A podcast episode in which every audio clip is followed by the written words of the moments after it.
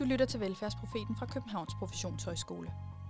I Velfærdsprofeten afdækker vi aktuelle og fremtidige udfordringer i den danske velfærdsstat, så du får ny viden og idéer til, hvordan velfærdsstaten giver værdi for borgerne. Bag mikrofonen finder du Maja Huk og Lotte Andersen. I dag skal vi tale om socialrådgivernes fremtid. Vi lever i en tid, hvor udviklingen går med rivende hast Når nye teknologier eller services kombineres med hinanden, accelererer hastigheden, og før vi ved af det, er fremtiden over os. Vi har inviteret fremtidsforsker Anne Skar Nielsen til at hjælpe os med at blive klogere på, hvad fremtiden bringer for socialt arbejde. Anne er en af Skandinaviens førende futurister, og så er hun partner i Universal Futurist. Velkommen til dig, Anne Skar Nielsen. Tusind tak. I dag skal vi tale om socialrådgivere. Ja. Og du ved det måske ikke, både Lotte og jeg er faktisk socialrådgiver. Nej, er det rigtigt? ja, vi har også lavet alt muligt andet bagefter. Vi har det der med mange arbejdsliv, men ja. Vi har faktisk både, vi er både uddannet socialrådgiver og har arbejdet som Hvor er socialrådgiver. det sket? Det der med, at, det, at sådan noget med at gætte, hvad folk laver, ikke? Ja. det bliver bare mere og mere svært. Ja, det kan Ja. det. Øhm, og socialrådgiver er jo mange ting. Der er børneområdet, som vi begge to har siddet i i sin tid. Så er der jo beskæftigelsesområdet, der er voksen udsatte område. Så det er mange forskellige ting. Ja. Så nogle af de ting, vi taler om i dag, vil måske gælde for nogle af socialrådgiverne, men ikke for andre. Men sådan er det jo.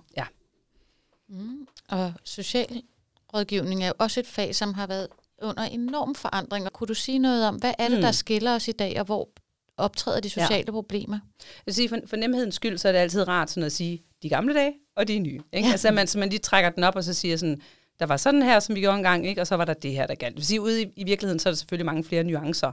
Men hvis man siger, i gamle dage, der kørte vi jo meget på, på tid og penge. Ikke? Vi kørte meget på sådan noget med, at der var de uddannede og de ikke uddannede. Der er de faglærte, der er der de ufaglærte, og så er der dem, der har penge og dem, der ikke har penge. Og så vil vi typisk sige, at den gode måde at hjælpe folk på, det er, at de kan få noget, noget uddannelse, så de kan få noget arbejde, så de kan tjene nogle penge. Ikke? Mm. Når man så har gjort det, så er man ligesom kommet i mål. Og så, så vil vi have sådan en forvisning om, jamen hvis du så sidder i parcelhuset med 2,4 børn og en pensionsopsparing og en, og en medlem af en fagbevægelse osv., ikke? så er du i mål. Altså så, så, så, så er de ligesom helle, ikke? Og man tænker, nej, det er ikke sikkert, det er sådan i dag, vel? Mm. Fordi du kan jo sagtens have rige mennesker, der ikke har noget socialt netværk, ikke? som bliver nogle sølle stakler. Og så kan du have mennesker, der ikke har nogen penge, men er enormt ressourcestærke. Øhm, og det er jo sjovt at gå, sjovt, nu ved jeg ikke, om det er sjovt, men altså det, det er jo spændende og interessant at gå på opdagelse i at blive overrasket. Altså jeg skulle sige sådan to steder, hvor jeg selv har virkelig fået punkteret nogle af mine egne fordomme. Øh, så var jeg over på et tidspunkt i Aarhus og holdt foredrag, det er mange år siden, tror det er 18 år siden, holdt foredrag om, øh, om de udsatte. Og der var der så blandt andet den her kvinde, som kom i kørestol, og som var nærmest multihandicappet, og var bare en firecracker uden lige, ikke? Altså som holdt tale, og du var paneldebat, og jeg sad bare og tænkte, er du sådan udsat? Det synes jeg kunne virke selv udsat. Jeg synes faktisk, at borgmesteren han virkede væsentligt mere udsat, end hun gjorde. og så, øh, og så, så gav- spurgte jeg, om hun ikke gad at give mig, om vi skulle følges ad, fordi jeg skulle til, til med toget. Sådan, ja, jamen, så kører jeg der. Og så ind i min fordomshjerne, ikke, så skulle hun jo selvfølgelig køre sådan nogle andre. Nej, nej, hun havde sådan en bil, hvor hun sådan kunne dut, og så kørte hun op ind i bag, og så hen, og løftede sig selv over og satte sig hen til førersædet, ikke? og så kørte hun så. Og jeg sad bare, og kæft, hvor jeg var, du ved, rigtig meget for Vejle lige nu. ikke? Fordi jeg bare havde den der, hele den der idé om, at hvis man er udsat, jamen så er man sådan her. som sådan lidt sølv skvat, men det var hun bare ikke. Men jeg kunne også godt se, at, at hun havde gjort det der som modreaktion. Altså netop fordi, at hun var blevet placeret i en rolle, hvor hvis man var udsat, så var man lidt et offer og kunne ingenting. Så tror jeg også, hun har sat meget af på det, fordi der var sådan en form for aggressivitet i det. Og det kan jeg bare huske, det synes jeg var ret interessant, det der med, at bare fordi man tror, at nogen er sådan, så nej, overhovedet ikke. Og havde det virkelig været godt for hende at være, du ved, placeret i sådan en, mm. du kan jo ingenting, fordi du er udsat, fordi det havde virkelig skabt en ordentlig raket i mosen på hende. Og den anden, det var en øh, hjemløs, øh, som jeg var ude og gå tur med i København, dem der hed Gaden Stemmer. Og det var fordi, at øh, jeg havde fået sådan lidt kvalme over alle de der julegaver, som ens unger de får, og så skulle de også have adventsgaver, og jeg kan slet ikke rumme det der adventsgaver. det er det der pis. Når de kommer sådan og siger, skal jeg have en adventsgave, mor? Øh, så tænkte jeg, nå, så får jeg det. Så fik de en tur med hjemløse. Så gik vi en tur med hjemløse, pis regnede og var mega koldt. Men nej, hvor var det spændende. Og så går en tur med det her menneske, ikke, som øh, fortæller sin historie, og mine børn, de var bare, de, altså skuffen hang simpelthen bare nede på, på, på jorden. Og, og de stillede sådan nogle spørgsmål, hvor jeg kunne se, at de har slet ikke den der referenceramme at sætte det ind i, øh, hvor hun fortæller blandt andet, at hun havde fået rigtig mange bank, da hun var lille, øh, af faren.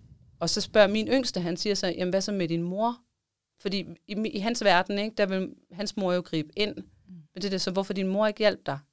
Og så siger, så siger han så, at det, det, hun sagde bare, at han måtte ikke slå mig i ansigtet, fordi så kunne de se det op i skolen. Mm. Og mine børn var jo bare, du ved, hvordan, hvordan kan det lade sig gøre? Men den der historie, hun fortalte, ikke? og nu brugte hun så sit liv på at rende rundt og samle gadenarkomaner op og give dem den der, hvad den hedder, den der næsespray der, hvor de så vågner op bagefter, ikke som hun sagde, og så løber man bare, fordi de er pisse sure over, at man har ødelagt deres trip. Men altså, det er bedre, end du dør. Øhm, og hvor man bare var efterladt med sådan en følelse af, at under andre omstændigheder, så havde du været, du havde været kvantefysiker. Altså, du havde været professor i et eller andet, fordi hun virkede simpelthen så intelligent. Og fik den der oplevelse af, hvor ressourcestærk man skal være for at bo på gaden. Altså, mig kunne jo sætte af 500 meter fra, fra, fra 7-Eleven ude i en skov, så ville jeg jo dø. Altså, men jeg har jo ikke den livserfaring, der skal til for det. Ikke? Men det var jeg simpelthen så fuld af beundring overfor.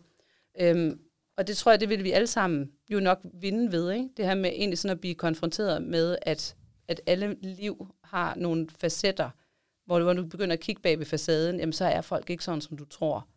Øhm, og, og hvor jeg vil sige, at de der skæld kommer til at stå i fremtiden, det er ikke så meget mellem uddannet og ikke uddannet, eller rig og fattig, eller bor du nord for København, eller gør du ikke. Jeg tror, sådan den helt klassiske at kunne kigge efter, det er overskud og underskud. Fordi hvis du er et menneske, der har overskud, så kan du jo løfte dig fri af den situation, som du sidder i. Jeg har jo også, altså også hørt, at nyere forskning om social arv, det siger de også, det bør vi simpelthen droppe. Fordi at det der social arv, det kan man ikke rigtig bruge til noget. Det bliver sådan en selvopfyldende profeti, når vi begynder at snakke om det. Så, så jeg tror, at man skal kigge altså, som socialrådgiver efter det der med overskud og underskud. Altså i stedet for at kigge på, hvordan ser de ud, hvordan de lugter, eller hvor de bor henne. Fordi man kan jo godt komme til nogen, der bor i et kolonihavehus, der bare er mega meget overskud, ikke? og hvor der er plads til kærlighed. Og så kan du komme ind i sådan et hjem, hvor det ser ud, de har to Tesla'er og holde ude i garagen. Og så kan du bare mærke, øh, det her det er ikke godt, vel? Så har vi fået en ny gæst. Helle Rode Johansen, som er institutschef på Socialrådgiveruddannelserne her på Københavns Professionshøjskole. Velkommen Helle. Tak for det. Tak for invitationen. Det var så dejligt, du vil komme, og det er jo lidt sjovt, fordi at øh, du var jo underviser dengang jeg blev uddannet socialrådgiver. Du har også været øh, Lottes specialevejleder, så øh, du er ikke bare sådan en specialist på KP, du er det også lidt for, for os her på Velfærdsprofeten, så vi er super glade for, at du øh, vil komme i dag og, og give os nogle perspektiver på det her med socialrådgivernes fremtid. Tak for det. Mm. Vi tænkte, at vi kunne starte lidt med at tale om det her med sociale problemer. Vi er jo også socialrådgivere, og det er jo sådan et kernebegreb inden for socialt arbejde med sociale problemer. Øhm, og der kan man sige, at Anne er jo inde på det her med klasser og rig-fattig dimensionen, rig-fattig, om det bliver nogle nye måder, nogle nye markører, vi skal forstå sociale problemer på. Hvad, hvad tænker du om det, Helle? Ja, altså jeg har jo lyttet spændt til, øh, til interviewet med Anne, og jeg synes bestemt, hun øh, kommer ind på nogle spændende ting, og også nogle, øh, nogle nye typer af sociale problemer, øh, som er knyttet til den tid, vi lever i. Men jeg synes måske også, at hun kommer lidt øh, kægt omkring at det her spørgsmål, der handler om uddannelse og arbejde og penge. Øh, altså det med, at det ikke får den store betydning i fremtiden, men det bliver nogle andre ting, øh, som mere handler om sådan noget med, øh, altså har man overskud, eller er man i underskud? Øh, og hvis, skal, hvis jeg skal prøve at give et billede på det, så holdt øh, KL, altså Kommunernes Landsforening, de holdt øh, for et par år siden et årsmøde, hvor titlen var, æblet må gerne falde langt fra stammen. Og jeg tror, at de fleste kalder, øh, kender ordsproget, øh, og normalt siger man det jo omvendt. Men det, der lå i den her titel, som jeg synes er meget sigende, det er, at vi fortsat i Danmark, selvom vi opfatter os som et velfærdssamfund, hvor vi måske ikke behøver at tale om fattigdom og ulighed, så er vi stadigvæk i et samfund, hvor der i folkeskolen desværre, trods årtiers indsats, stadigvæk foregår en udskilning Altså, øh, vi har det, som man øh, som forskerne vil kalde chanceulighed. Øh, og det viser, og det er meget veldokumenteret, at det har en kæmpe betydning, hvilken social baggrund du kommer fra. Øh, det er ikke det samme som social arv. Øh, jeg er fuldstændig enig med Anne, når hun ligesom øh, forholder sig kritisk til det her spørgsmål om social arv, fordi der ligger også en fremskrivning af, at hvis du har forældre, der er misbrugere, eller forældre, der er voldelige, jamen så risikerer du ligesom at arve det. Og det er, jo ikke, øh, det er jo ikke det, der ligger i det, i chanceulighed. Der ligger noget i, at den bagage, du har med, den øh, giver dig nogle ressourcer, og de ressourcer kan du så omsætte for eksempel i et uddannelsessystem, øh, og andre har så vanskeligere ved det. Så på den måde, så synes jeg, at, øh, eller hvis jeg skal kigge ind i fremtiden, så vil vi fortsat også i et velfærdssamfund have problemer, der handler om forsørgelse. Øh, og det vil stadig være vigtigt øh, at have en uddannelse. Øh, jeg kan ikke se nogen tegn øh, rundt om, som siger, at øh, fremover der bliver uddannelse ikke en vigtig parameter. Hvis vi skal blive klogere på fremtidens sociale arbejde, så skal vi måske lige kigge på, hvor vi står i dag, og hvor vi kommer fra. Vi har haft en rivende samfundsudvikling, ikke kun i vores økonomi, men jo også i statens udvikling, i civilsamfundet, måden vi bosætter os på. Øh, sociologerne, de taler om, at vi har, øh, at vi har øget en, eller vi har oplevet sådan en øget individualisering, altså et øget fokus på det enkelte individ. Der er sådan en gammel gut øh, fra 70'erne, der talte om den kulturelle frisættelse. Og det, der ligger her i, det er jo, at der er opbrud, eller har været opbrud gennem mange årtier i vores lokalsamfund, i vores familiefællesskaber øh, og nogle af de andre fællesskaber. Øh, og det giver jo nogle andre belastninger, end de belastninger, det giver ikke at have nogen penge, eller ikke at have noget forsørgelsesgrundlag. Fordi det ligger et meget stort ansvar over på det enkelte individ. Altså man kan sige på en måde, øh, hvis man kigger på ungdommen i dag, og de sidste øh, årtier, hvor I jo også har været unge og været i uddannelse, så ligger der, er der den der fornemmelse af, at din fremtid er ikke foruddefineret. Altså man går ikke i sin forældres spor. Man laver ikke nødvendigvis det, naboens piger og drenge laver. Man definerer sin egen vej i livet, og det tror jeg kan være en stor belastning. Så det sagt, så kan vi jo se, altså symptomerne, det er jo øh, øh, selvskadende adfærd, det er spiseforstyrrelser, det er unge med angst, vi har høj selvmordsrate. Så alle de problemer, øh, som Anna også er inde på, det er på den måde i det, i det store historiske perspektiv jo nogle nye problemer. Jeg synes måske så, når man er socialrådgiver, øh, så kan man jo godt diskutere, om det er sociale problemer. Altså er det, er det sociale problemer, når middelklassepiger med stærke forældre, høje karakterer, i en periode har det rigtig skidt, eller er det nogle psykologiske problemer, som man selvfølgelig skal have hjælp til. Altså, der, det er også lidt der, hvornår, hvad definerer vi egentlig som sociale problemer? Øh, der er der jo nogen, man kan sige, og, og det handler måske lidt om det overskud, hun taler om. Der er der nogen, der lever i nogle omgivelser, nogle miljøer, som, øh, som giver dem noget beskyttelse, når de ryger ind i sådan nogle personlige problemer. Ikke? Altså som enten har nogle stærke forældre, et godt netværk, øh, kan købe sig til noget god behandling, Øh, så på den måde er der jo en, en, en, en social ulighed i måden, du så kan mestre det på. Ikke? Og der så. ligger hun måske i virkeligheden op til at udvide paletten i forhold til, hvad der er sociale problemer. Ja, det er rigtigt. Øh, og jeg vil også sige, at de, øh, de slår jo også igennem og kan blive til sociale problemer. Fordi hvis du ikke, altså det er jo, det er jo forfærdeligt, det, øh, det er jo nok noget af det værste, vi kan tænke os, det er jo, når unge mennesker tager deres eget liv i fortvivlelse over ikke at kunne, kunne, kunne være her. Øhm, og det er jo, nogle, det er jo ekstremt tilfælde, ikke? men der er jo også nogen, som kommer igennem de svære ungdomsår, og som rent faktisk får en uddannelse, får et netværk osv., ikke? og så er der dem, der ikke klarer det, og så er det, det bliver til nogle sociale problemer, ikke? som kan få meget mere vidtrækkende konsekvenser. Vi har spurgt Anne og Helle, hvordan de ser socialrådgiverens rolle i forhold til de aktuelle og fremtidige udfordringer, de har beskrevet. I er jo ligesom sådan nogle hvad skulle man sige, sådan nogle civil samfunds jægersoldater. Ikke? altså, at der er sådan nogle mennesker, som faktisk godt tør at være i frontlinjen. Men jeg tænker, at, at jeres job, og nu må jeg rette mig, hvis jeg tager fejl, men jeg tænker, at meget i det må jo også være sådan at, at være sådan nogle livsnavigatører. Fordi nogle gange så er det noget kommune, andre gange så er det noget jura, tredje gange så er det sådan et eller andet med, at nu, skal der, nu, altså nu er det noget arbejdspladsmæssigt, ikke? eller nu er det måske noget uddannelse. Så jeg kan godt forestille mig, at der er sådan det med, at man skal ligesom hele tiden være sådan en, der kan få sat mange ting i spil, med det formål, at vi skal have det her menneske til at, at lykkes på nogle, i hvert fald få overskud. Ikke? Så jeg tænker, hvis man kan sige det der med, at formålet hele tiden, det er overskud. Jeg skal skabe overskud. Når jeg har været sammen med dig, så skal du føle overskud. Du skal føle, at du er blevet mere livsduelig. Du skal føle en større lyst til at møde op i den klasse, eller møde op på den arbejdsplads. Som I sikkert også har prøvet mange gange, så er hvert menneske et menneske. Ikke? Altså, og er helt unik i forhold til, hvad der skal bruges, og hvad man skal have af løsninger. Det vil sige, så snart du prøver at lave den der statistikken der, ikke, så det også tit, så gik det sgu lidt galt. Hvor hvis du kan sige, nu sidder vi med Hanne, og Hanne har brug for det her. Og nu tager jeg Hanne i hånden, og nu går vi herhen med Hanne, og så følger vi op på det. Og for nogle, nogen mennesker har jo brug for, hvis man tager sådan nogle udsatte unge, noget af det, de har brug for, det er bare sådan et helt almindeligt klassisk job. Altså et, hvor de måske heller ikke skal tænke så meget i starten, Fordi det der det vigtige, det er at lære at møde op på en arbejdsplads og have været i bad, før du kommer. Altså det er jo sådan en fuldstændig lavpraktisk opgave, som du bare ikke kan løse med en pamflet. altså jeg har faktisk siddet til ret mange sådan nogle møder i Københavns Kommune, hvor man snakker om det der med de udsatte. Og det er som om, at løsningen er hele tiden en konference eller en pamflet. Jeg har sådan, det tror jeg ikke. Det tror jeg ikke. Jeg tror faktisk, at løsningen det er, at der er nogen, der gider gå hen og tage dem i hånden, og så følge dem derhen. Og det oplever jeg bare, at der er rigtig mange virksomheder, der står klar til at gøre det. Men det kræver sådan en, det kræver nok en større vedholdenhed og en større onboarding, end det gjorde før.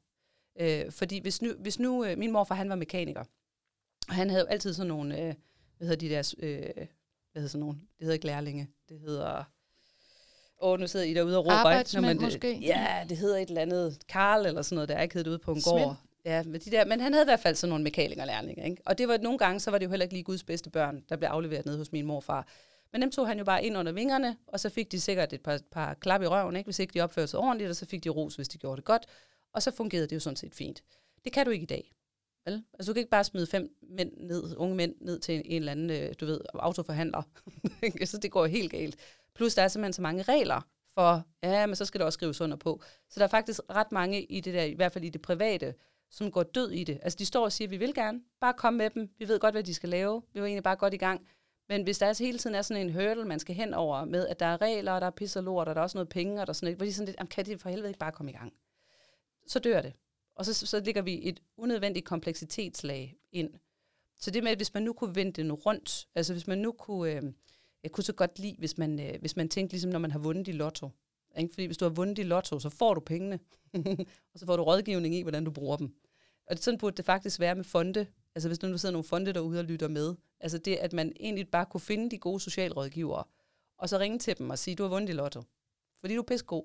Så nu giver vi dig nogle penge, og så giver vi dig rådgivning i, hvordan du bruger de penge. Fordi det, man gør i dag, det er sådan det omvendte. Ikke? Altså hvis I nu skulle lave en fondsansøgning, er det sådan, I sidder og siger, Wii! Kæft, det glæder mig, Lotte. Vi skal lave fondsansøgning i dag. Det gør I jo ikke vel. Og så fordi, at, at problemet det også bliver, at nu sidder der sikkert også nogle socialrådgiver derude, der tænker, jeg gad fandme godt, at der var en fond, der ringede til mig og gav mig nogle penge. Det har nemlig også hørt, at man skal aldrig rose en ildsjæl. Man skal bare give dem nogle penge. Mm. så hvis man nu fandt ud af, hvor var de gode henne, og hvordan kan vi så sikre, at du kan gøre det bedre? Så, så er det i dag, der er det ofte de forkerte, der søger fondene. Fordi dem, der søger fondene, det er dem, der kan holde ud og sidde og lave en fondsansøgning hvor dem, som egentlig mere er de der, du ved, gadens betjente, som har lyst til at gå hen og tage nogen i hånden, som er meget mere sådan nogle, du ved, nu gør vi det sgu bare, ikke? og vi flytter det her. Hvis du siger til de mennesker, nu skal du bruge tre uger på at sidde og lave en fondsansøgning, de visner indvendigt, ikke? Altså som, som, som karse, der står i solen, ikke? Man er bare sådan, åh, røg hele potentialet. Øh, jeg vil sige, at det sociale område, det er jo så komplekst. Altså, det lyder lidt som en kliché, men, men du holder jo i mange, nogle tilfælde, andre menneskers liv i dine hænder. Så det der med at bare smide nogle poser penge ud, det vil jeg ikke have nerver til, hvis jeg sad og var politisk ansvarlig. Men jeg tror, vi skal have nogle øh, tilbud, der supplerer hinanden. Altså, jeg tror, vi bliver nødt til at have et offentligt system, som også er tæt reguleret, når vi bevæger os ind i at fjerne folks børn, for eksempel, ikke? eller når det handler om at sikre forsørgelsesgrundlag, så kan det ikke være bero på tilfældigheder, og hvor du bor henne, øh, hvordan du er sikret, hvis du bliver syg øh, i dit arbejde. Så bliver vi nødt til ligesom have, altså det der, der handler om retssikkerhed, ikke? Det, øh, og det ligger nu, nu bedst i sådan et, et offentligt regi. Men øh, der er ingen, der siger, at vi skal løse alle problemer der, og jeg tror i høj grad også, at man godt kunne afbiokratisere øh, væsentligt i forhold til det, øh, altså den lov jungle, vi efterhånden er landet i, ikke? Øhm, og så tror jeg også, at, og det foregår jo også, altså vi, vi kan jo se, det har jeg ikke sådan lige nogen tal på, øh, men øh, de store fonde, de er jo, går jo meget stærkt ind på det sociale område. Altså når man sidder i dag og er, er chef øh, for et sted, der laver både forskning og uddannelse, så er der nogle helt andre muligheder i dag, end der var for 10 år siden eller 20 år siden i at søge privat finansiering. Og det kan man godt kritisere. Og det ville jo være meget kritisabelt, hvis fondene så havde nogle meget anderledes interesser. Og det synes jeg lidt, hun, hun antyder, Anne, at, øh, at de pengene tilfalder de forkerte. Men jeg synes da, at hvis jeg kigger ind i fundatsen på altså sådan nogle fonde som Egmont og Novo og Lego og så videre, ikke? Øh, Velux og Tryk, så, øh, så har de meget skarpt blik på faktisk, hvad der er, der rører sig. Man kan altid diskutere, om, øh, om man får tilstrækkeligt meget ud af det. Men, øh, og, og, og hele den der projektitis, som nogen vil kalde det, ikke? øh, den tror jeg skal til for at skabe innovation. Altså jeg tror, vi bliver nødt til at have det der med, indimellem, så giver man en pose penge, og så er der nogen, der prøver noget af, inden vi ligesom beslutter at lave lovgivningen om, og så i stor skala beslutter vi os nå, så for, at det er det, man skal gøre med, med unge, der øh, falder i misbrug, eller hvad det nu kan være. Ikke? Hvis nu Anne kigger frem, og jeg skal prøve at kigge lidt tilbage, så den udvikling, der har været på det sociale område, og det gælder sådan set inden for de, de tre store områder, altså beskæftigelse, børn og unge og udsatte voksne, så er det jo, at man fra politisk hold har haft intentioner om at løse nogle af de problemer, vi har. Og når politikere skal løse problemer, så bruger de de værktøjer, de har i værktøjskassen, og det er lovgivning. Så, så vi har jo fået en lovgivning, som er meget omfattende og meget kompleks. Øh, altså en lille anekdote, jeg hørte for nogle år siden Mette Frederiksen til et oplæg, øh, og hun fortalte om sin tid som beskæftigelsesminister. Og hun fortalte, at hun var kommet ind, og så havde hun sagt til sin departementchef eller en embedsmand, kan jeg ikke lige få lovgivning med hjem i weekenden? Jeg vil godt lige altså, prøve at få et overblik. og det var på det tidspunkt, og det er måske så, men det er rigtig mange år siden, ikke? Jeg kan ikke lige huske, hvornår hun var beskæftigelsesminister, men, men det var noget med 6.000 sider. Så, så på den ene side kan man sige, altså man har jo lovgivningsmæssigt øh, reguleret mere og mere ned i detaljer i processen, altså måden socialrådgiverne arbejder på. Og det skaber noget byråkrati. Det skaber nogle dokumentationskrav. Og det kan være godt for noget. Det kan være godt for retssikkerheden for eksempel. Øh, det kan også være, altså det kunne bruges måske som et ledelsesværktøj, eller som til at udvikle, lave noget faglig udvikling, hvis man bruger den dokumentation rigtigt. Men det gør jo også, øh, og det kan vi ikke komme udenom, det tager noget tid fra relationen. Altså det der med at være til stede for borgeren, have tid til samtalerne, opbygge relationerne. Så, øh, så det er sådan, øh, ja, og det, det er jo måske sådan en, en, øh, en nem position at sætte sig i, ikke? men, men jeg, jeg, jeg tænker ikke, det er sort-hvidt. Jeg kan ikke se, at der er nogen løsninger, hvor man bare lægger det hele altså i, i, i den ene sektor. Øh, jeg tror, vi bliver nødt til, hvis vi vil øh, fortsætte en udvikling, som jo har været god på mange parametre på det sociale område, så skal vi finde den rigtige balance mellem de opgaver, der kan løses af private, øh, af frivillige, og så af, øh, i den offentlige sektor. Men hvad er rammebetingelserne for det sociale arbejde? Og hvad betyder det for socialrådgiverens handlerum?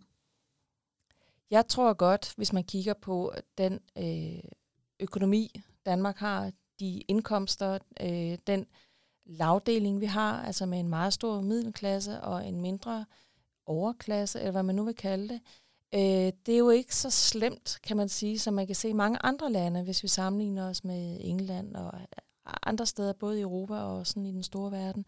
Så, så jeg, jeg, jeg er ikke der, hvor jeg tænker, at vi skal, vi skal lave en kæmpe omfordeling, for at øh, vi kan give mennesker et værdigt liv. Men jeg tror, vi skal være meget, meget opmærksom på, at det, der er vigtigt for et samfund, det er ikke kun en økonomisk lighed, det er også, at vi har en øh, sammenhængskraft, kan man kalde det.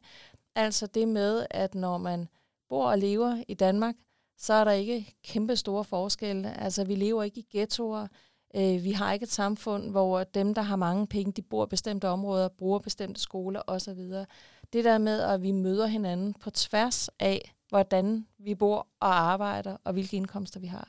Og det tror jeg, man skal holde lidt øje med, øh, fordi der har været løbende, der er løbende diskussioner om øh, privatskoler, der er løbende diskussioner om boligområder osv., og det tror jeg, vi skal være lidt opmærksom på. Så på den måde, så, øh, så er ikke sådan, jeg tænker, at hvis der er nogen, der bare øh, betaler lidt mere skat eller gik lidt ned i løn, så havde vi løst de sociale problemer. For der er så meget andet på spil. Øh, de strukturer, der, der stadigvæk har, der har stor betydning, de ligger jo i en eller anden form for stiafhængighed. Altså når du tager beslutninger i Folketinget om et givet emne, det kan være om vores, vores samfundsøkonomi, når man vedtager en finanslov. det kan være om socialpolitikken, når man laver ny lovgivning inden for børneområdet. Det kan være om ja, flere relevante ting. De lovgivninger, de lægger jo ligesom en, en, øh, en linje, og den linje kan man ikke bare hoppe ud og ind af. Altså der vil være den der ja, stiafhængighed. Ikke? Så på den måde, så, øh, og det, det tror jeg, øh, altså det, det tror jeg sådan set, der er en stor bevidsthed om øh, de fleste steder. Ikke? Og så kan man godt have nogle ideologiske og, og, og politiske drøftelser, når man, når man sidder i debatten, øh, og de kan få stor betydning, men de får jo først betydning, når de begynder at blive implementeret i lovgivning. Det er i hvert fald et af de steder. Selvfølgelig kan de også have betydning i forhold til en en, øh, hvad kan man sige, sådan en, en, nogle holdninger, nogle, nogle, det kunne være nogle holdningsmæssige skred, der jo også kan påvirke, hvordan vi øh, behandler andre mennesker. Så, øh, så der vil jo være øh, både sådan øh, mere materielle forhold, øh, der udmyndter sig i den måde, vi ja, lovgiver på, og dermed sætter rammerne for det sociale arbejde, og så vil der være nogle mere holdningsmæssige skred. Øh, og, og et af dem er jo for eksempel den måde, vi, vi, vi taler og tænker øh, om flygtninge på. Øh, bare som et eksempel. Mm. Og børneområdet også, kan man sige, med den nye barnets lov, er jo også noget, hvor man kan sige, at individsynet er meget repræsenteret. Ja, det er det. Øh, og, og det er jo især den her rettighedstænkning. Mm. Øhm, og der kunne man jo godt... Øh, altså nu er jeg jo ikke socialrådgiver, men jeg synes, når jeg lytter mig til, til de socialrådgiver, øh, der arbejder, så øh, skal man jo huske, øh, apropos det der med kollektiver og fællesskaber, at øh, et barn er altid i en eller anden form for familie, og det kan godt være, at den familie ikke kan varetage barnets tag, men når man kigger sådan på den lange bane, så er det nok vigtigt også at huske det, øh, at, at rettigheder i sig selv er måske ikke løsningen på den lange bane. Der er der også noget med at se på, hvad er det for nogle omgivelser, vi har og kan arbejde med. Igen det med, hvad er det for nogle øh, ressourcer, hvor kan der ligge noget, øh, noget beskyttelse øh, ja, omkring det enkelte barn. Det igennem de sidste øh, årtier, der har der jo været en drøftelse, øh, ikke bare i Danmark, men også i den større verden, om, om hele det der samspil mellem stat og marked og civilsamfund. Altså, hvad skal staten løse? Hvad skal man løse ude i private tilbud, foranstaltninger? Og hvad skal civilsamfundet løse? Øh, det bliver sådan lidt populært, og det er det måske stadigvæk at tale om samskabelse. Altså det med at have blikket for, at man ikke kan ligge ansvaret hverken for de sådan meget øh, definerede sociale problemer, men heller ikke for at fastholde og styrke øh, en, en social sammenhængskraft i et land. Det kan man ikke ligge i en enkelt sektor. Det vil kræve et samspil mellem de sektorer. Så, øh, så jeg tænker, at, øh, at fremadrettet, så, øh, og hvis man skal øh, mestre den her balance, og det er jo den socialrådgivende står midt i, altså på den ene side, så er de jo velfærdsstatens frontmedarbejdere. Ikke? Det er dem, der står og skal implementere den lovgivning, øh, man vedtager på Christiansborg, om det så handler om sygedagpenge, eller hvordan øh, barns rettigheder skal være, så er det jo dem, der på bedste demokratiske vis er dem, der skal udføre de beslutninger, vi er blevet enige om. Men på den anden side, så har de jo også en rolle i forhold til det med at være fortaler, hedder det med et meget gammeldags begreb, øh, for borgerne. Altså også dem, der, der råber op og kan, kan sætte sig i borgerens sted. Øh, og det synes jeg, hvis man igen kigger på den politiske arena, så kan man se, at altså pendulet svinger måske lidt. Og, jeg, og, øh, og i 90'erne, der svingede det sådan lidt fra stat til marked. Vi skulle have mere flere private løsninger. Så har det øh, de sidste 10 år svinget lidt mere over øh, i bevidstheden om øh, civilsamfund øh, og den frivillige sektor. Øh, og, og helt aktuelt, så er der jo lige nu meget skarp fokus på det der med inddragelse af borgeren og borgerens deltagelse. Øh, og det er jo noget, som ikke bare øh, politikerne eller nogen politikere har fokus på. Det er også noget, fondene begynder at kigge efter. Øh, at øh, en ting er, at vi, vi har et perspektiv på borgeren, eller på børnene, de unge, hvem det er, øh, vi godt vil, øh, vil gøre en indsats for. Men, men kan vi også få dem mobiliseret? Altså, det, måske er det en, en form for empowerment-tænkning. Ikke? Men er det en anden form for empowerment, vi ser ind i fremtiden, end den vi så i en 70'er forståelse af empowerment? Altså, at den også er en mere individorienteret empowerment, når du snakker om at mobilisere borgerne? Det er det nok på nogen måder, fordi man kan sige, at den kommer i forlængelse også af et fokus på rettigheder. Og man kan sige, at et rettighedsperspektiv, det er i sagens natur et meget individuelt perspektiv. Ikke? Altså det handler om den enkelte borgers rettigheder i forhold til et system.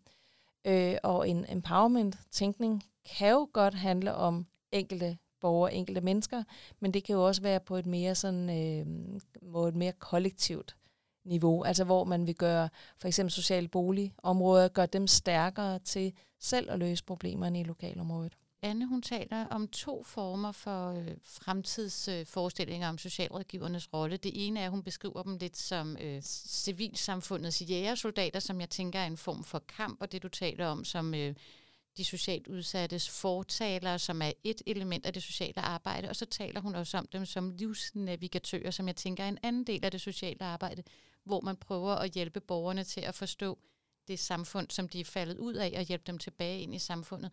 Og hvis du skulle give et bud, hvor tænker du så, vil de mest hælde over mod at være jægersoldat, socialrådgiver, eller vil de mere være livsnavigatører for borgerne?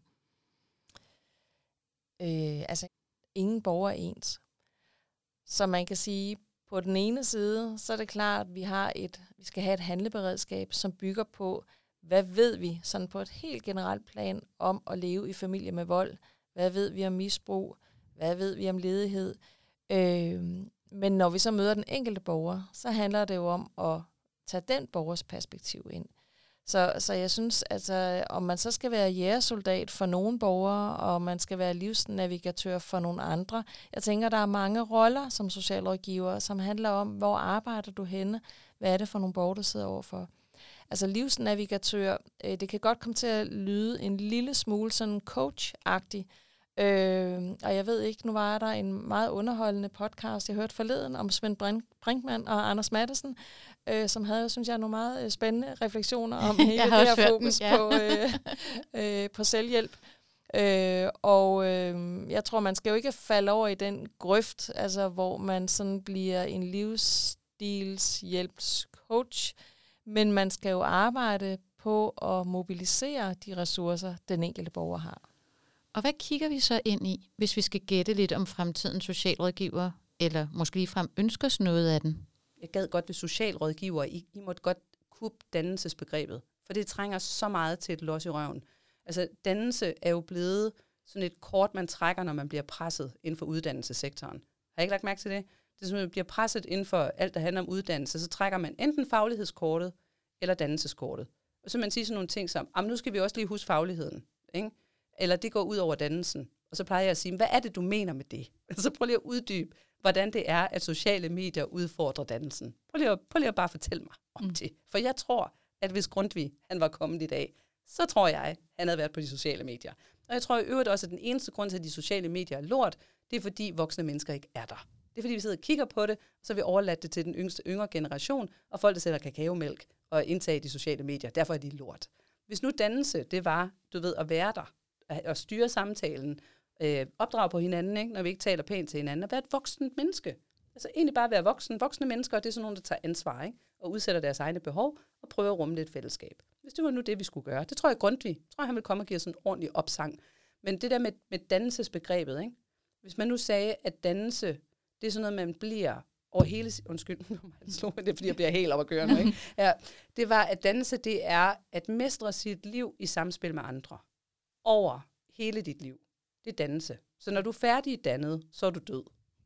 Så du bliver dannet hele vejen igennem din tilværelse. Og du bliver dannet, når du er i konflikter, når du er i frustrationer, når det går galt for dig. Det er jo ligesom, når vi er på ferie, ikke? Altså, hvad vi helst høre om? Min 14-dages ferie til Ægypten, hvor jeg spiste på buffet hver dag og badet. Eller vi hellere høre om den tur, hvor der var en løve på badeværelset. Mm. den sidste, ikke? Mm. Altså, det er jo alt det der, der går galt. Det er jo det, der er det sjove. Og det skal jeg også godt at sige til, altså hvis man som socialrådgiver sidder med unge mennesker, der har det svært, så, så mød dem i det og sige, det er da okay. Altså det er da okay, at livet er svært. Hvornår har livet ikke været svært? Altså livet har tidligere været super hårdt. Nu er livet bare både hårdt og svært. Mm. så det kan godt være, at vi ikke kæmper for at overleve, men nu kæmper vi jo for alle mulige følelsesmæssige ting. Så hvis man, hvis man kunne se på det der dannelsesbegrebet, og så kuppede det inden for socialrådgiverne og sige, det er i virkeligheden det, der måske er vores kerneopgave, ikke? det er, at vi danner og vi, vi udvikler, og vi skubber til, og vi får til at vokse og gro og trives, og vi prøver med alle de her forskellige virkemidler og samarbejdspartnere at sætte det her i spil, så at vi kan løfte det enkelte menneske. Uanset om du så kommer fra socialklasse 1, 4, 5 eller 6, det er fucking ligegyldigt, ikke? Eller hvor mange penge dine, for, dine forældre har, det er også ligegyldigt. Fordi vi kan alle sammen i fremtiden komme ud og skide. For en fremtidsforsker, der er stress ikke svaghed. Stress, det er et budskab om, hvor din grænse går. Det er ligesom at være en kanariefugl. Kan I huske den der med kanariefugle i kulminen, med mm. kulminearbejderen tog kanariefugle med ned, fordi de var de første, der reagerede, hvis der var gasser i luften, og så vidste man, hvis den stod og flaksede, så er det bare på tid, for tid til at komme ud. Jeg tror ikke, at der har været noget som helst tidspunkt, hvor sådan en kulminearbejder har kigget på den der kanariefugl og sagt, sikkert dog et lille sårbart skvat, du er. mm. det tror jeg ikke. Jeg tror faktisk, jeg har sådan nogle billeder, hvor de sidder og krammer kanariefuglene. Det kan man faktisk godt. Jeg tror, de har set dem altså netop som en livline, som nogen, der kunne advare mig, når der var et eller andet, som ikke er godt, som også er pisset dårligt for mig. Så dem, der får stress i dag, er i virkeligheden vores kanariefugle, hvis du forstår, hvad jeg mener. Mm. Og det er jo sådan nogle nye ting i tiden, ikke? det her med, at vi kan se, at vi får faktisk nogle mennesker, som er lidt mere nogle kanariefugle. Hvis de her mennesker, de var blevet født om 50 år, hvor jeg tror, at verden er meget mere empatisk, meget mere natur. Altså vi tænker tit, at fremtiden det er sådan noget Blade Runner med teknologi. Nej, nej, det er det ikke. Det er en bæredygtig planet, hvor vi alle sammen sidder uden skov. meget mere, end det er sådan noget, hvor vi kører rundt i flyvende biler. Øh, og der vil vi sandsynligvis synes, at den her tid, når vi kigger tilbage, altså vores børnebørn, ikke? når de kigger tilbage på den her tid, så vil de synes, at vi var kolde, og vi var materialistiske, og vi havde indrettet et samfund, som var meget ensomt, og som netop favoriserede, at dem, som, som kunne køre med regler, at de ville klare sig godt, men de mennesker, som havde et meget stort hjerte, de ville ikke have det så godt. Så de ville faktisk klare sig meget bedre på et senere tidspunkt. De er vores samfunds kanariefugle. Udover det, så er det her en traumeforløsningstid, som vi lever i. Og det er fordi, at der er rigtig mange af de her traumer, som kommer op til overfladen nu, de er skabt i en anden tid. Øh, jeg ved ikke, om I ved, om, hvad et ligelag er. Inden for biologi, der er et ligelag, det er sådan et bakterielag, der ligger over søbunden. Så hvis, hvis man er ude og bade i en sø, kan I forestille jer det? Mm. Jeg ved godt, sådan nogle søer, de er altid sådan lidt mudrede, ikke? Smattet på bunden. Og smattet på bunden. Så hvis nu forestiller sig, at man er ude og bade sådan en sø, og det går egentlig meget godt, men så rammer din tog, den rammer sådan en, det føles som en plastikpræsending. Sådan en hvid plastikpræsending. Nu, river, nu river du hul i den. Så den der hvide, der ligner en plastikpræsending, det er et bakterielag, der hedder ligelagen. Og det holder alt det, der er sådan nasset og ulækkert nede mod bunden. Så hvis der nu har været sådan et, du ved, nogle pesticider og døde fisk og sådan noget, ikke, så ligger det alt sammen der nedenunder. Nu har du revet hul i det, Maja. Mm. Så du vælter det bare op med sådan noget bøvs fra fortiden, der op, og du svømmer rundt i det. det er der, vi er nu. så alle de her ting lige nu, ikke, der fylder, altså sådan noget MeToo og racisme og, og netop den der psykiske sårbarhed og øh, depressioner og angst og alt det der pisser lort. Fra fremtidsforskningens synspunkt, så er det alt det, vi har prøvet at holde nede. Fra fortiden, som vores forældre og bedsteforældre ikke vil snakke om, som den her generation nu er i gang med at forløse. Så det, der sker for folk i dag, det er, at de møder grænsen. Det, jeg siger der med, at stress er ikke svaghed. Det er der, hvor du møder grænsen. Det er der, hvor, hvor du kan ikke længere gå på kompromis med den, du er. Hvis du bliver ved med at gå på kompromis med den, du er, med din essens, det du brænder for, det er derfor, du ved, du er her, så sælger du ud af dig selv, og så er det til sidst, du knækker. Eller du bliver hård, altså og bliver kynisk. Ikke? Mm. Og når man så stopper, det er som at stoppe et tog, ikke? så bliver du bare ramt bagfra med de der tre andre togvogne, hvor der også var lort i, ikke?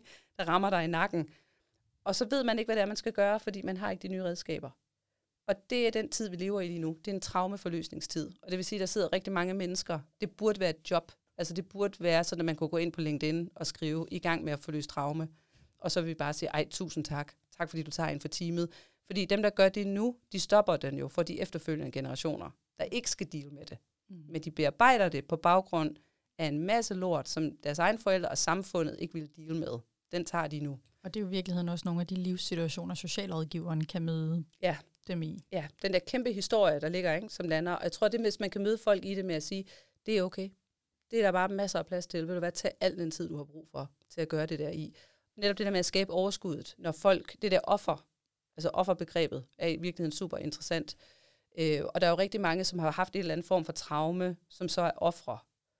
Og det er ligesom om, man skal hurtigt igennem den der offerrolle, ikke? fordi at man skal ikke være et offer. Eller hvornår det er offerets skyld, eller hvornår det ikke er. Og så jeg har, jeg har helt klart haft det der med, at jeg synes, at ofre var nogle klynkefjolser. Altså tag dig nu sammen for helvede. Livet er sgu da også hårdt for andre. Og Nelson Mandela sad i fængsel i 27 år, så kan du nok også godt rumme det der. Altså den har jeg helt klart haft. Men jeg kan godt høre mig selv, når jeg siger det, at det er ikke særlig empatisk. Mm. Så, så det er den gode løsning, det der, man siger, okay, så prøv lige at slippe den, og så prøv at være lidt nysgerrig, og find nogen, som er nogle gode ofre, og så snak med dem. Jeg laver altid research, og jeg har så fundet ud af, at øh, offer betyder hellig. Altså ligesom offring, mm. det er at gøre hellig, sacred. Øh, og det vil sige, at når du offer, så har du helle. Den er meget sød, ikke? Mm. Det, der med, og det vil sige, at du skal ikke hurtigt ud af den, men det er der, hvor du har fred når du offer, så er du faktisk lidt heldig. Det kan jeg mega godt lide, og det var en, der hedder Tanja Tranholm, som er i gang med at skrive en bog, fordi hun er sådan en, der har haft super mange, altså virkelig dårlige oplevelser i sit liv. Øh, og den bog, jeg tror, den kommer til at hedde Turguide gennem helvede, fordi pointen i det, det er, at i stedet for, at du skal videre, så må du godt gå ned i kælderen og se, hvad det ligger lort, og så gå gennem helvede, ikke? og så se, hvad du får ud på den anden side. Men det var hende, der lærte mig det der med, at offer, det var måske ikke noget negativt. Og så man sidder og tænker, Jo, det er. Nej, det er det måske ikke. Nå, nej, det er det faktisk ikke. Det der med, at som samfund burde vi møde vores ofre med den der empati til at sige, nu er du helle. Altså i stedet for, at vi skal vi kører meget hurtigt over i det der med, at vi skal finde ud af, hvem har skylden, og hvordan kommer vi videre. Så hvis nu en, kvinde er blevet voldtaget, ikke? så meget hurtigt i gang med alt muligt, ikke? hvor man kunne sige, så er du helle. Ikke? Og det møder vi der med der. Nu, nu giver samfundet dig helle, fordi det er fandme ikke rart at sidde der for dig. Uanset hvad der er gået på, så vil vi godt se, at der er noget galt. Overskud. Ikke? Det her med, i stedet for at vi dræner hinanden, ikke? så bare sige, du er helle. Mm. Nu er du fredet. Og det, det, det, så ved jeg ikke, det kunne socialrådgiver måske godt være dem, måske egentlig de eneste, der kunne, ikke? Det der med at lave den der ring omkring nogen, der har det skidt, og så sige, så er der Helle. Og så kommer nogen herhen og piller, ikke? Så er det overskud, du kommer med? Fordi hvis det er noget, der dræner, så, så ud med dig, ikke? Fordi det har vi sgu ikke brug for.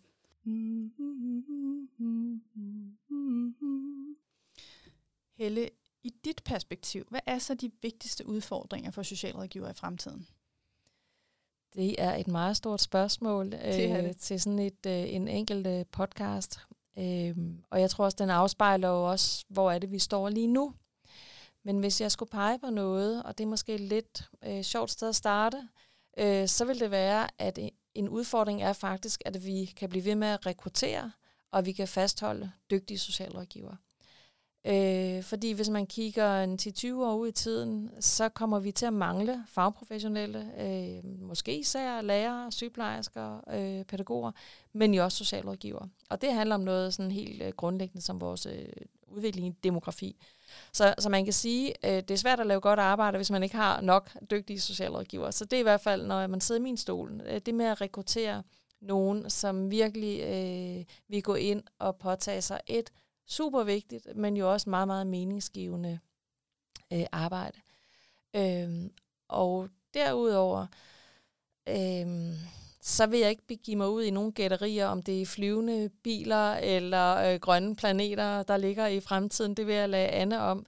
Men jeg kan jo i hvert fald sige, at øh, som socialrådgiver, der vil man altid, altså det ligger, øh, det ligger i, i selve kernen af professionen, der vil man altid stå og skulle balancere mellem kollektivets behov og beslutninger, og så den enkelte, det enkelte individ. Og man kan sige, at den balance, den, eller den udfordring, den vil fortsat være der. Øh, og det kræver, at man øh, som profession øh, øh, har, sta- har en faglig status, at man har noget myndighed, altså man kan sige myndige professionelle, stærke professionelle. Øh, og hvordan får man det? Altså der kan man jo prøve at, at, at kigge på, jamen, hvad er det egentlig, der definerer det der med, om man, om man er en profession. Øh, og der er i hvert fald tre ting. Øh, det ene, det er, at man har en formel uddannelse. Den kan vi godt se et tjek ved. Jeg regner med, at vi overlever mange år endnu.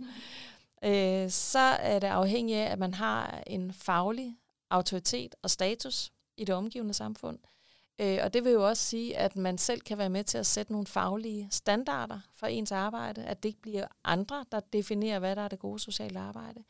Og så som det tredje, at man også øh, har et tydeligt værdigrundlag, altså man har en professionsetik. Øh, og man kan sige, det er jo noget, vi fælles kan arbejde på. Øh, jeg kan arbejde på, at vi bliver ved med at have en stærk uddannelse, der også fokuserer på nogle kernekompetencer, øh, og som er tydelig på, hvad er det, øh, der er ens rolle og funktion, øh, og måske for nogen kald, hvis man tager brug det. Øh, hvad er det, der er meningen med at være socialrådgiver? Det kan vi arbejde på på uddannelsen. Og det med, øh, med professionen øh, og professionsetikken, det tænker jeg, det skal man også arbejde med ude i praksis. Altså det vil jo være en, en løbende, altså man markerer sig fagligt, bliver god til at sætte ord på ens faglighed. Øhm, så det, det, det tror jeg, hvis jeg skulle sige noget, noget meget kort, så er det at blive ved med at kunne mestre den der ballade. Og nogle gange er det individerne, der er under pres, nogle gange er det kollektivet. Det tror jeg vil være sådan en, øh, en bevægelse hen over årtier.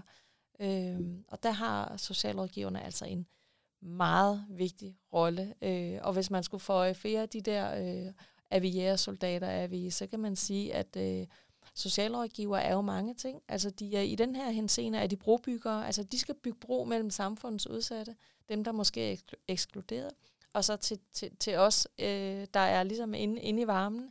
Øh, de skal også yde omsorg for de mest udsatte. Øh, de skal kunne motivere og være med til at udvikle folks ressourcer. Så der er sådan mange, altså alt efter om du er udgående gadeplansmedarbejder, øh, på Vesterbro, eller om du sidder i en børnefamilieafdeling, eller du er i et jobcenter og samarbejder med virksomhederne om at skabe nogle jobåbninger. Det er nogle lidt forskellige ting, man skal kunne. Så jeg tror ikke, man kan sætte sådan en enkelt prædikat på. Nej, det er jo super spændende det her med, hvad er et socialt problem egentlig for noget? Altså Anne, hun kaster lys på underskud, overskud, som Helle forholder sig lidt kritisk til, fordi hun siger, der er altså også noget materielt i det sociale arbejde. Og det får mig til at tænke på Bourdieu, som jeg godt ved, at rigtig mange socialrådgiverstuderende er trætte af. Men det her med, at, at vi kapitaler kan, hvad kan man sige, manifestere sig på forskellige vis. Altså det både kan handle om øh, sociale relationer, det kan handle om Øh, hvad hedder det, økonomisk kapital og kulturel kapital. Og jeg, og jeg tænker, om diskussionen også kan måske forstås lidt ind i, hvad, hvor er det, man kaster sit fokus i forhold til de her forskellige kapitalformer? Jamen, det tror jeg da, du har meget ret i. Og jeg vil sige, altså, jeg ved godt, det er sådan en super safe position, øh, og som vi ynder at tage en gang imellem, men jeg tror faktisk, altså, at der er jo, de har jo begge to ret. Altså, fordi det er jo rigtigt. Det, kom, jeg tro, det tror jeg simpelthen ikke på, at det her med uddannelse og fattigdom og sådan noget, at det holder op med at have en betydning. Men jeg tror også, det er rigtigt, at vi er nødt til at kigge noget mere på nogle af de andre typer af kapitaler. Og jeg tror ikke, at vi skal på forhånd sige, at fordi du er en 12-talspige fra, øh, altså, øh, fra Nordsjælland, at så kan du ikke have et socialt problem. Men altså omvendt kan man sige, så skal vi tage snakken om, hvornår er noget et socialt problem. Ja, og hvad har vi råd til at tage hånd om i systemet? For der øh, Anne, hun er, taler om, at, at der måske lige frem skal være mulighed for helle og det er i hvert fald et fuldstændigt brud med de takter, vi har set de seneste år på beskæftigelsesområdet, hvor man kan sige, at muligheden for at have et helle bliver mindre og mindre, og reglerne bliver strammet for, at man skal hurtigt ud af sygedagpengesystemet, man skal hurtigt ud i egen forsørgelse igen. Ja, det er jo interessant, fordi det kræver jo to ting. Både på den ene side, at samfundet har råd til det, Øh, og det kan man jo, hvis man tager sine fremtidsbriller på. Altså, hvem ved, hvis vi løser fattigdomsproblemerne i fremtiden, så kan det jo godt være, at der rent faktisk er råd til det. Men det kræver jo også en opbakning, en demokratisk opbakning. Og der er det jo interessant at se, hvad det er for en, nogle generationer, der er vokset op, og hvad deres blik på fællesskab og social øh, opbakning bliver. Og hvad bliver, sam- hvad, hvad bliver det sådan samfundsmæssige mandat for socialrådgiverne at arbejde med der? Ja, det bliver spændende. spændende. Ja. Hvem er det, der skal vurdere? Ja, præcis. Husk, du kan finde vores episoder på din favorit podcast platform. Du går bare ind og søger på Velfærdsprofeten, og hvis du trykker abonner, så får du også automatisk besked, når der kommer nye episoder.